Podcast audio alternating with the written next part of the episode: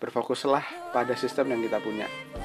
Bila kita merasa sulit mengubah kebiasaan, masalah bukan terletak pada diri kita.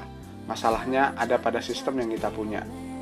Atomic habit adalah kebiasaan kecil yang merupakan bagian dari sistem yang lebih besar. Kebiasaan itu seperti atom dalam hidup kita. Tiap kebiasaan merupakan satuan mendasar yang ikut membentuk perbaikan secara keseluruhan. Jika menginginkan hasil yang lebih baik, jangan memusingkan sasaran atau target terlebih dahulu. Sebagai gantinya,